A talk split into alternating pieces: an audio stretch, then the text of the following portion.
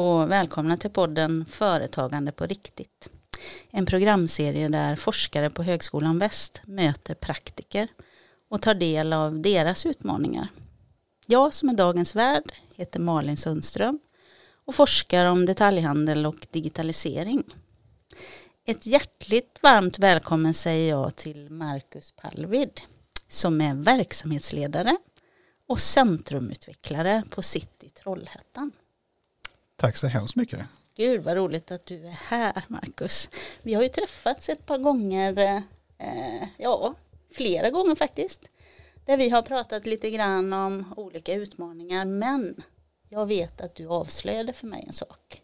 Du berättade att du har varit student här på Högskolan Väst. Det stämmer och det är ju ett tag tillbaka sedan nu så det ja. börjar bli lite jobbigt att prata om det liksom för att man inser ju att åren går ganska snabbt alltså. Mm. Nu är det 2022 och när jag satte min fot i Trollhättan, inte för första gången visserligen, men det var ju 07. För vissa är det jättelänge sedan, för andra så kanske det är ganska nyss. Mm. Men du, du bodde väl i Göteborg? Ja, ja nej, men jag var en av de här eh, flitiga studenterna som eh, pendlade upp i början och sen så eh, följs i livet så att jag flyttade upp. Och sen 08 så får man väl säga att jag bott i stan och varit mm. folkbokförd här då. Ja, ja. Och fastnade på riktigt. Men du, vad var det som lockade med Högskolan Väst? Eh, jag tänker på, vi har ju en hel del utbildningar som andra har också. Var det något sådär särskilt? Men när jag skulle plugga så var det ju företagsekonomi och marknadsföring som jag eh, var ute efter. Det är ju en ganska bred utbildning som finns lite varstans. Eh, men dels så ville jag ju eh, sanning med modifikation bort från Göteborg. Ja. Men inte flytta allt för långt bort. Mm. Lite så här kunna ha närheten till familjen och så. Mm. Och då var ju Högskolan Väst ett alternativ mm. som var inom mm. rimliga avstånd. Mm. Just då så höll man på att bygga om eh, tågspåren och sånt så att det mm. tog längre tid att åka dit än vad det gör idag. Nu är det ju en halvtimme bort. Mm. Eh, och det var väl mamma och pappa nöjda med också att du kan ju komma och hälsa på varje helg eh, när det väl eh, begav sig. Men eh, nu får man ju snarare bli nerringd. Så att eh, dels närheten och sen så när man väl flyttade hit så blir man ju kär i staden för att det var ju väldigt nära men ändå tillräckligt stort för att göra sig både anonym men också ge sig ett ganska kraftigt bra nätverk. Och sen hela profilen med egentligen högskolan, vad man arbeta framåt med, med liksom närheten mot företagande och sådana mm. saker var ganska kul. Och det var faktiskt därför som jag kom hit också. Jag var så jag var så sugen på att vara på ett lärosäte där man verkligen samverkar. Alltså, många pratar om det, men ganska få gör det. Mm. Nej, jag håller, håller med där, liksom, att det, det ju, handlar mycket om, om samverkan och det är mycket på individnivå. Liksom, så att det finns den här närheten till personerna som är inom huset och utanför huset också. Mm. min reflektion över hela Trollhättan är ju att det är ganska kort mellan beslutsvägar liksom, och, och mm. det skapar det som vi pratar om med handlingskraft liksom, i det stora hela. Mm. Eh, mm. och det har genomsyrat alla organisationer som jag har varit mm. verksam i än så länge. Men du, det här med att vara centrumutvecklare. Alltså, jag tror att jag vet lite grann vad det innebär eftersom jag brukar träffa den typen av personer som du är. Men kan inte du berätta för alla som lyssnar, vad gör en centrumutvecklare?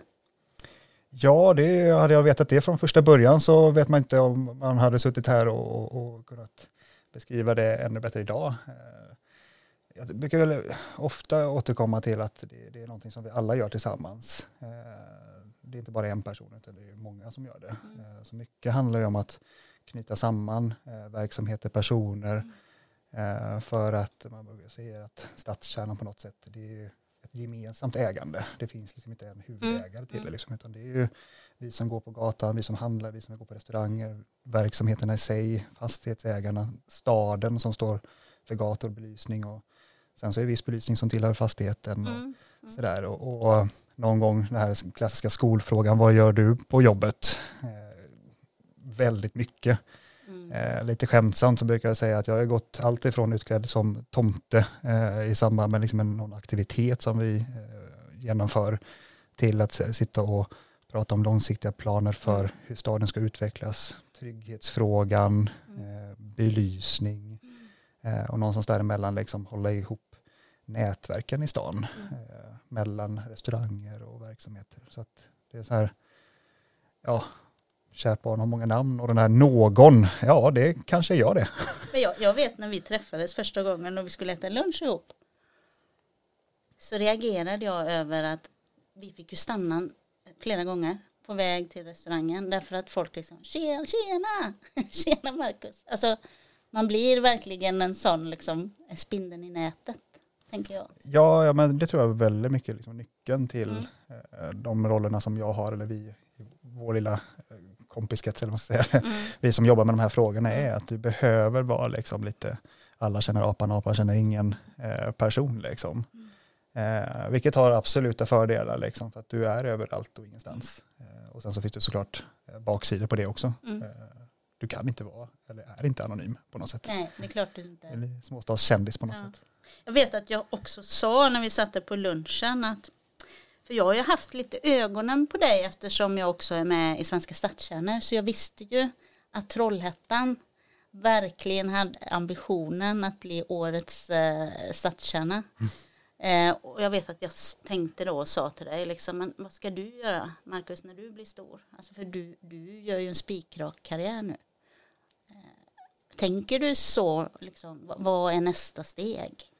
Alltså, nu så här, får jag väl så här, spikrak karriär, det får jag nog inte påstå att jag har haft. Liksom, någonstans så är det eh, en klase bananskal liksom, som har fört sig mig framåt på något ja, sätt. Men nu ska du inte vara så blygsam. Nej, alltså. nej, nej, men no, no, någonstans ja. blygsam, det, det, det, är min grej att vara. Ja. Inte ta åt sig äran, för det är många som gör, genomför det här. Att no, någonstans, eh, vad nästa steg är, inte en aning. Mm. Eh, jag är alltid lyhörd och liksom tittar på var möjligheterna mm. finns. Eh, så sätt. Men eh, någonstans så finns ju hjärtat kvar i organisationen och så för platsen och allting här nu. Så att, mm. eh, någonstans kommer vara ett kugghjul eh, på något vänster. Du, hur kändes det när det blev klart att det var Helsingborg som tog hem priset som årets stadskärna?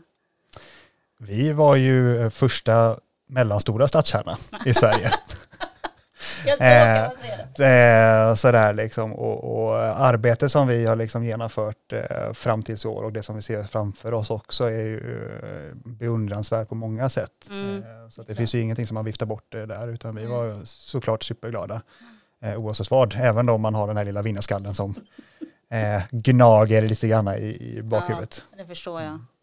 Men du, jag tänker så här jag, jag har ju haft förmånen att träffa ganska många centrumutvecklare. Och jag är lite nyfiken på vad du tycker är så typiska utmaningar när man jobbar just med centrumutveckling. Vad skulle du säga är liksom det här är typiskt? Ja, men, eh, om jag ska försöka hårdra det till tre saker nu då. Mm. Då ska jag komma på den tredje saken, för de två första kanske är ganska självklara. Eh, men, men en utmaning liksom som person eller liksom i det här arbetet är att förhålla sig till det holistiska perspektivet. Att se helheten liksom mellan det lilla, alltså företagandet, det stora som kanske då staden representerar, alltså det långsiktiga. Mm. Eh, och sen så allting mitt emellan där. Just att eh, det finns ju lika många intressen som mm. det finns personer.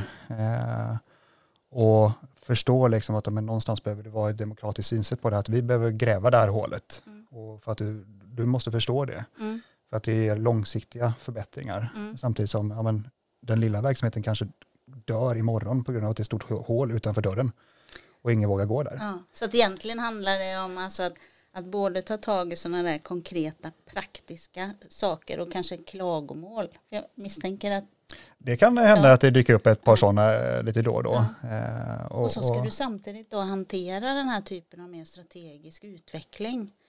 Jag har ju råkat läsa den här eh, omtaget nu för mm. stadskärnan där ni verkligen tycker jag lägger fram ett eh, genomarbetat förslag på vad vi ska ha stadskärnan till. Mm.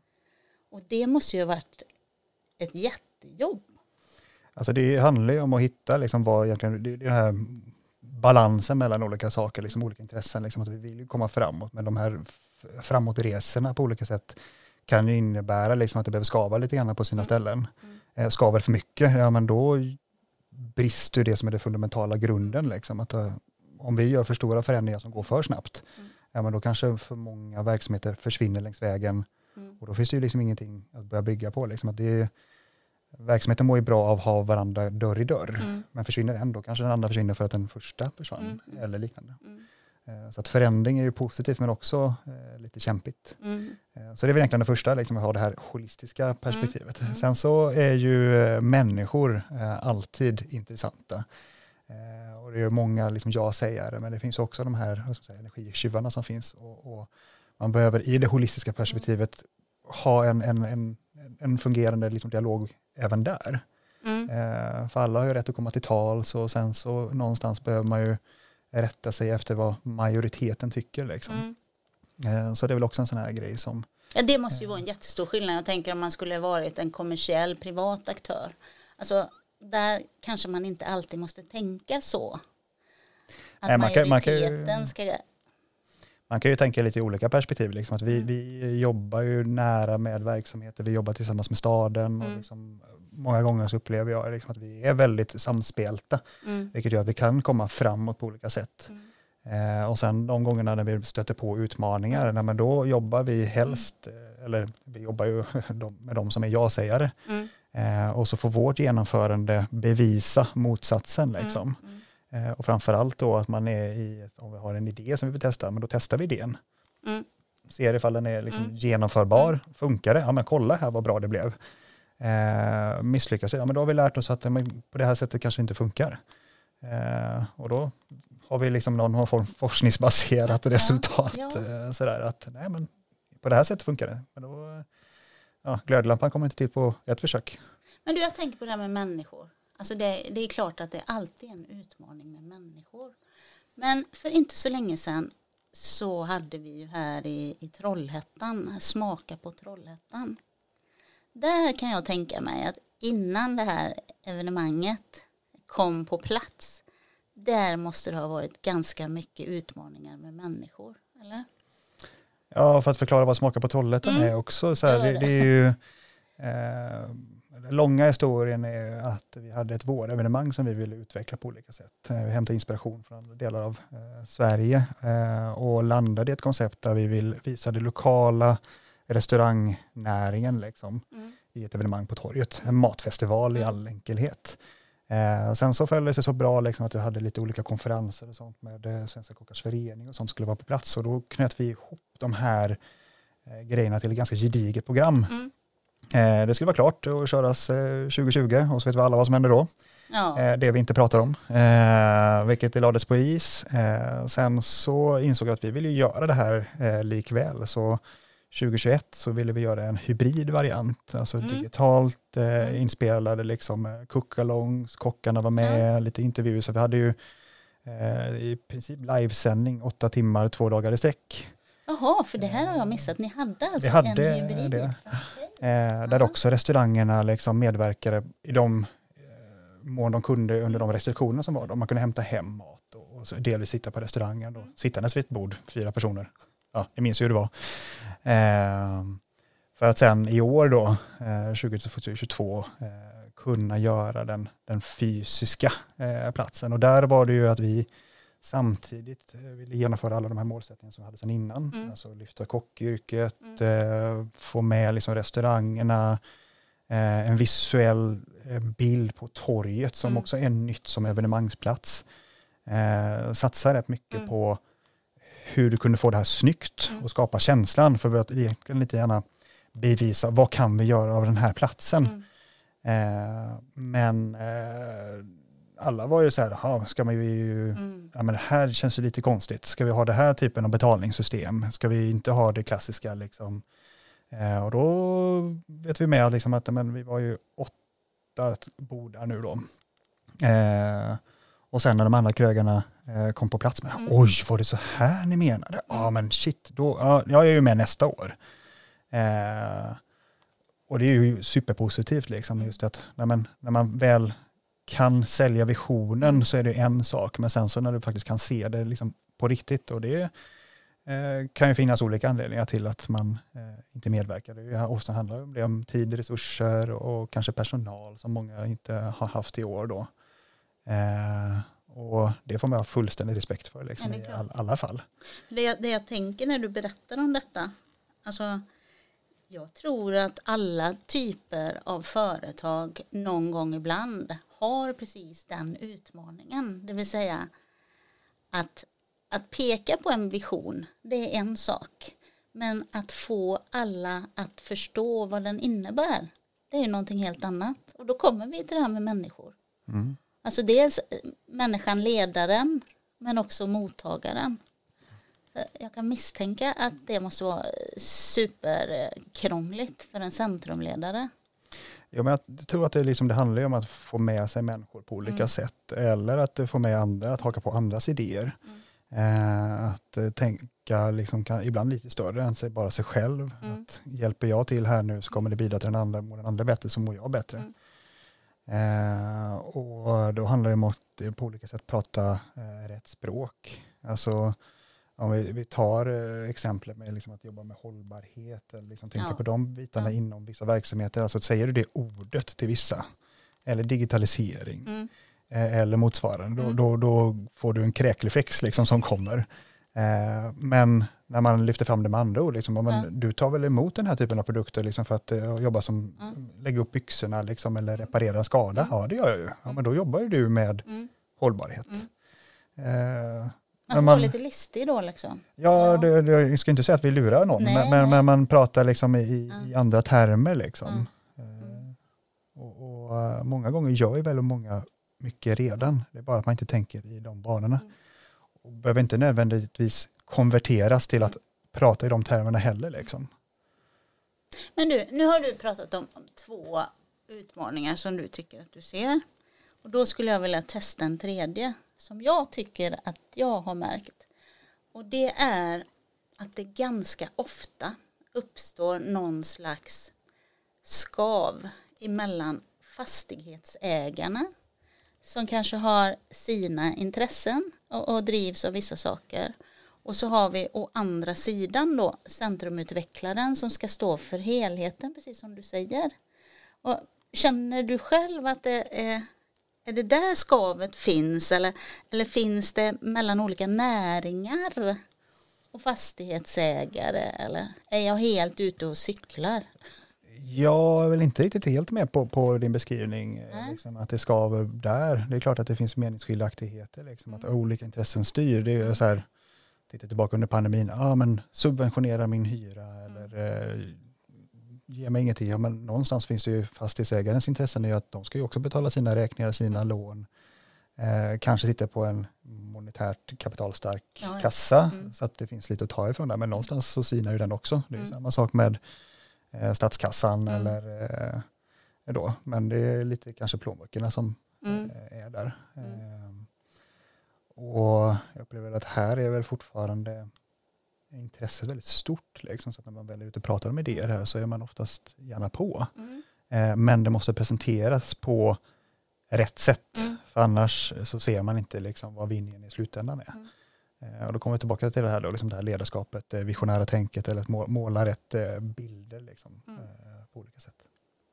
För jag kan också tycka det nu, nu har inte jag varit så länge här på Högskolan Väst men jag började i augusti och jag har ju hunnit vara ute ganska mycket och möta människor i olika näringar. Och jag, jag ser faktiskt att det finns en väldigt tydlig samverkansönskan bland många. Det tycker jag är oerhört spännande just med den här regionen. Mm. Ja, vi hade i morse så hade vi en eh, träff tillsammans med, eh, vi var väl en 15 stycken eh, olika representanter liksom, som lyssnade på just presentationen av strategi i stadskärnan då. Eh, där vi kollar lite grann på vilka fokusområden vi ska jobba med framöver. Och, mm. eh, nu är vi i steget att sätta det här till eh, någon form av handling. Och då blir det ju intressant att se vad, vad blir det för verkstad då av det hela.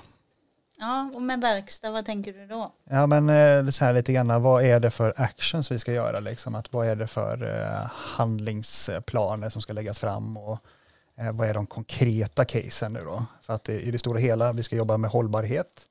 Eh, vi ska jobba liksom med eh, platser som är visuellt tilltalande. Vi ska jobba med generationsplatser, liksom att det ska funka för åttaåringen, det ska funka för ja. 80-åringen. digitalisering och sådär. Liksom, men vad innebär faktiskt de här, här stora riktlinjerna och de här mm. stora penseldragen?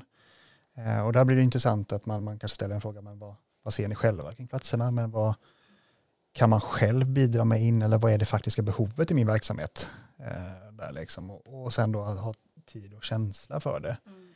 Eh, och där kommer väl den stora boven in, liksom att man kan ju alltid och vill ju alltid utvecklas. Men sen ska du ha tiden, mm. orken, mm.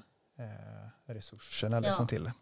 Och det kanske är så också att att utvecklas kanske inte är det som man egentligen vill utan man vill förbättras. Alltså, det jag tänker är att ibland vill man utvecklas bara för att göra något. Mm. Och det kan vara onödigt.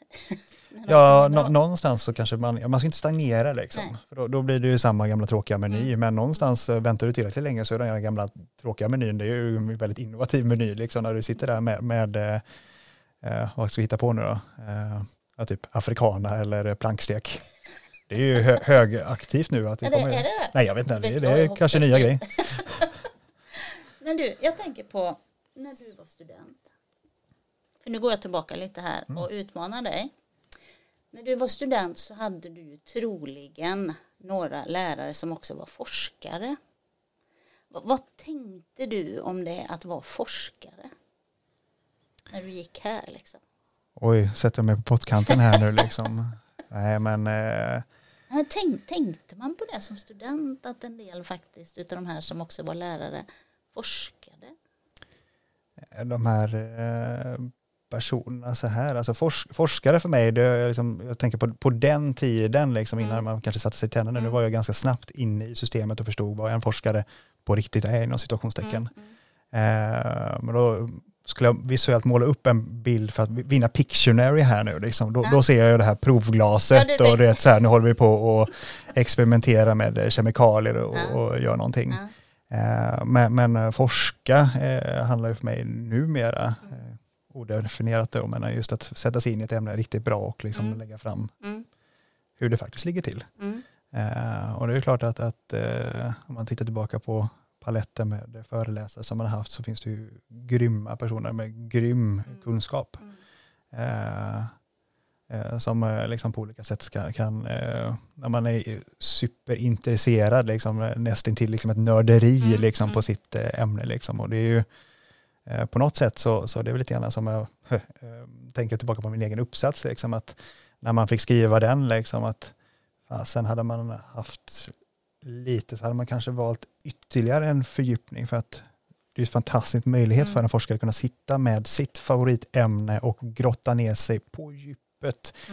Mm. Eh, och sen så får man ju hoppas att man har ett ämne som någon annan tycker är intressant att lyssna på också så att det inte blir eh, att man eh, pratar för döva öron. Liksom. Och det, så, så, som du beskriver den liksom bilden och din uppfattning, jag tror att det är jättemånga som tänker så.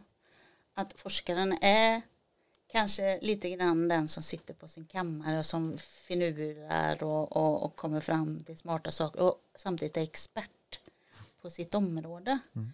Eh, och det stämmer säkert. Men sen finns det olika typer av forskare. Mm. Mm. Eh, och här på Högskolan Väst eh, och vi som är företagsekonomer vi försöker ju att tänka lite annorlunda än att bara liksom vara för oss själva och skriva vetenskapliga artiklar som ingen läser, mer än andra forskare. Och nu kommer jag ju osökt in på det här då med samverkan. Eh, de allra flesta här på Högskolan Väst, de jobbar mycket med samverkan. Men jag har märkt att de ofta gör det genom att bjuda in gästföreläsare. Så man gärna vill få tag i folk i näringslivet för att komma hit till högskolan och så berätta för studenter hur saker och ting ligger till. Men det finns ju faktiskt andra former av samverkan än bara det. För det känns ibland nästan som att vi vill använda er.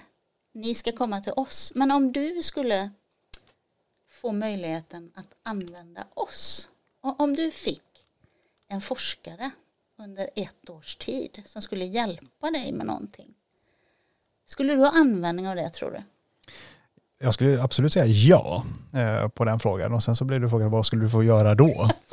eh, och då finns det ju alltså egentligen en, en palett med svar man skulle kunna lämna eh, på. Liksom. Det, det, finns ju många frågor som är utmaningar idag som vi inte riktigt vet hur vi kan angripa. Eh, vi står ju mitt i en jättestor förändring av digitalisering, affärsmodeller som eh, ställs upp och ner och ut och in och bak och fram.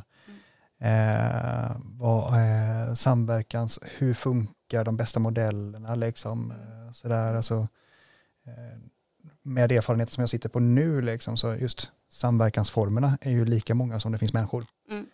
Det som funkar i den här staden funkar inte i grannstaden. Nej. För att människorna som är i organisationerna Mm. är olika. Eh, och att sitta och grunna på det där, liksom, vilka case funkar bra Mm. och ha liksom en överblick på det är ju jätteintressant. Eh, och lite så här framåtblicken, liksom. Alltså, Ja. världsomspännande liksom, och ha tiden att sätta sig in i olika upplägg. För det tänker jag också faktiskt. Alltså nu har ju vi träffats ett par gånger. Och nu senast när vi träffades så hade vi ett samtal som i mångt och mycket handlade om att du bollade lite idéer med mig tror jag. Och jag kom med lite provokativa inslag i en sån diskussion. Eh, alltså det där samtalet, det är ju faktiskt ganska värdefullt. Mm. Nej, men lite så du påkopplat där, liksom, med att man ska också vara ute och inte sitta på sin egen kammare. Liksom, Att man vågar prova eh, idéer. Mm. Det finns ju ett begrepp liksom, att man ska provtänka. Eh, tänka högt utan att eh, bli eh, nedkörd i botten av eh, mot, mot- personen. Liksom, Det där har att- inte jag hört. Provtänka. Ja, nej, men, eh, prov, provtänka eller provprata. Eh, just att du, du ja, men jag har inte, inte kanske tänkt hela vägen fram här nu, men du får respekt för vad jag säger nu. Mm. Och så får du säga rätt saker såklart, så att inte du trampar någon allt för mycket på tårna. Eh, men just det så här, och så får ditt resonemang komma in i mitt eh, Mm. tänk och så Mm. kan jag ju absolut tänka om. Eh, man kan väl säga i, i min så här, värdegrund liksom, så handlar det mycket om att eh, skapa liksom, någon form av mötesplats för, som tillgänglighetsgör Mm. liksom, någon form av samtal. Eh, för likatänkande, för oliktänkande, liksom, för att du kan också då förstå vad den andra tänker och menar bakom sina idéer. Mm. Eh, sen så är det väl upp till dig att utifrån dina egna värderingar hålla med om det eller tycka olika. Eh, och det är oftast liksom genom de typerna av samtal som vi också kommer framåt. Men du är, jag tror att du är en ganska reflekterande person. Har jag rätt? Mm, jo men det är jag Ja. eh, på, på både gott och ont. Ja. Liksom, för att du behöver ju också tänka i så många olika mån. Att du också tänker eh, positiva saker men ibland också negativa saker. Liksom, så att vä- väga in det eh, på olika sätt. Men jag tror att det är en oerhört viktig egenskap att inse behovet av att faktiskt fundera över det man har gjort och, och det man ska göra. Eh, Jag har själv precis i dagarna här avslutat ett forskningsprojekt där jag under ett års tid har samtalat med eh, ett antal vdr i olika företag och alla berättar för mig att den största bristen man har det är tid. Tid att tänka, tid att fundera och, och tid kan man ju inte få. Tid måste man ju ta, Mm. tänker jag. Ja, men det handlar ju om prioriteringar på olika sätt. Och sen så är det så jobbigt när det finns väldigt mycket att prioritera. Ja, det är klart. Eh, och tiden räcker ju inte till. Mm. Och det är ju, vi är ju alla människor liksom. Mm. Eh, och alla människor kan ju någon gång begå misstag Mm. eller eh, inte tänka, ah, hinna tänka alla stegen. Eh, och det är bara att titta på liksom, eh, alla våra ungdomar eh, som är runt omkring oss som är herregud, har du inte bättre koll på livet lille vännen? Liksom, sådär. Nej men de har inte den livserfarenheten Nej, och ser inte konsekvenstänket. Eh, och det gäller ju vuxna också mm, tyvärr. Mm. Eh, men men eh, tror väl i det stora hela liksom att men, lyckas vi prata om och, och liksom lyfta eh, våra idéer liksom, eller de samtalen som vi har. Mm. Ja, men, ja, om inte någon känner till vad jag går och tänker på Mm. eh, så är det inte heller någon som kan rätta mig eller hjälpa mig eh, framåt. Och då kan vi inte koka an i våra idéer. Jag tycker du har, du har så kloka tankar kring detta. Du, eh, nu har vi ju nästan, ja, vi har ju nästan pratat färdigt, men jag är lite nyfiken på en sak, Marcus. För när jag frågade dig om du ville komma hit eh, så tänker jag nu, nu har du ju varit här. Känner du att vårt samtal blev ungefär så som du hade tänkt? Det är nu jag ska säga nej. jag måste ju komma tillbaka hit så vi kan fortsätta prata i, i flera timmar och framåt. Men eh, absolut, jag tänker Ja. att vi landar liksom någonstans i, Ja. i eh, ja, kanske någon form av budskap i alla fall, Ja. ett framåtriktat budskap. Ja. Jag kan känna likadant alltså. Eh, och det här var väl, väldigt intressant det du säger just om tid att tänka. Eh, och att det är liksom i det här mötet som med, med proffs, med kunniga. Eh, det är där någonstans det händer. Mm. Eh, om jag ska försöka sammanfatta det här. Jag tänker väl att det blir lite grann som en verktygslåda, liksom, att i min roll liksom, så är jag ju inte expert på allting, utan på något sätt omges av experter. Mm. Eh, Jag minns bland de kanske första möten jag hade, liksom, där vi satt och pratade om eh, vår stadsfestival, Fallens dagar. Mm. Eh, och det blev så tydligt någonstans när vi sitter och eh, har eh, säkerhetsgenomgång, trygghetsmöten. Liksom, att, ja, men jag uppfattar mig själv som att jag kan ganska tänka ganska stort. Liksom, Mm. så här, och så, ja, men om det här händer då måste vi göra de här sakerna. Mm. Eh, och så hade vi eh, polisen på plats liksom, med, med deras expertis. Och de var så många scenarion bort med eh, if this happens, this will happen and this will happen. Och man var så här, shit, du är så bra på det här. Så det är tur att det är du som är polis och inte jag. Ja. Eh, och är expert och liksom kunna sätta in rätt resurser och ha det tänket. Och det är så många ämnen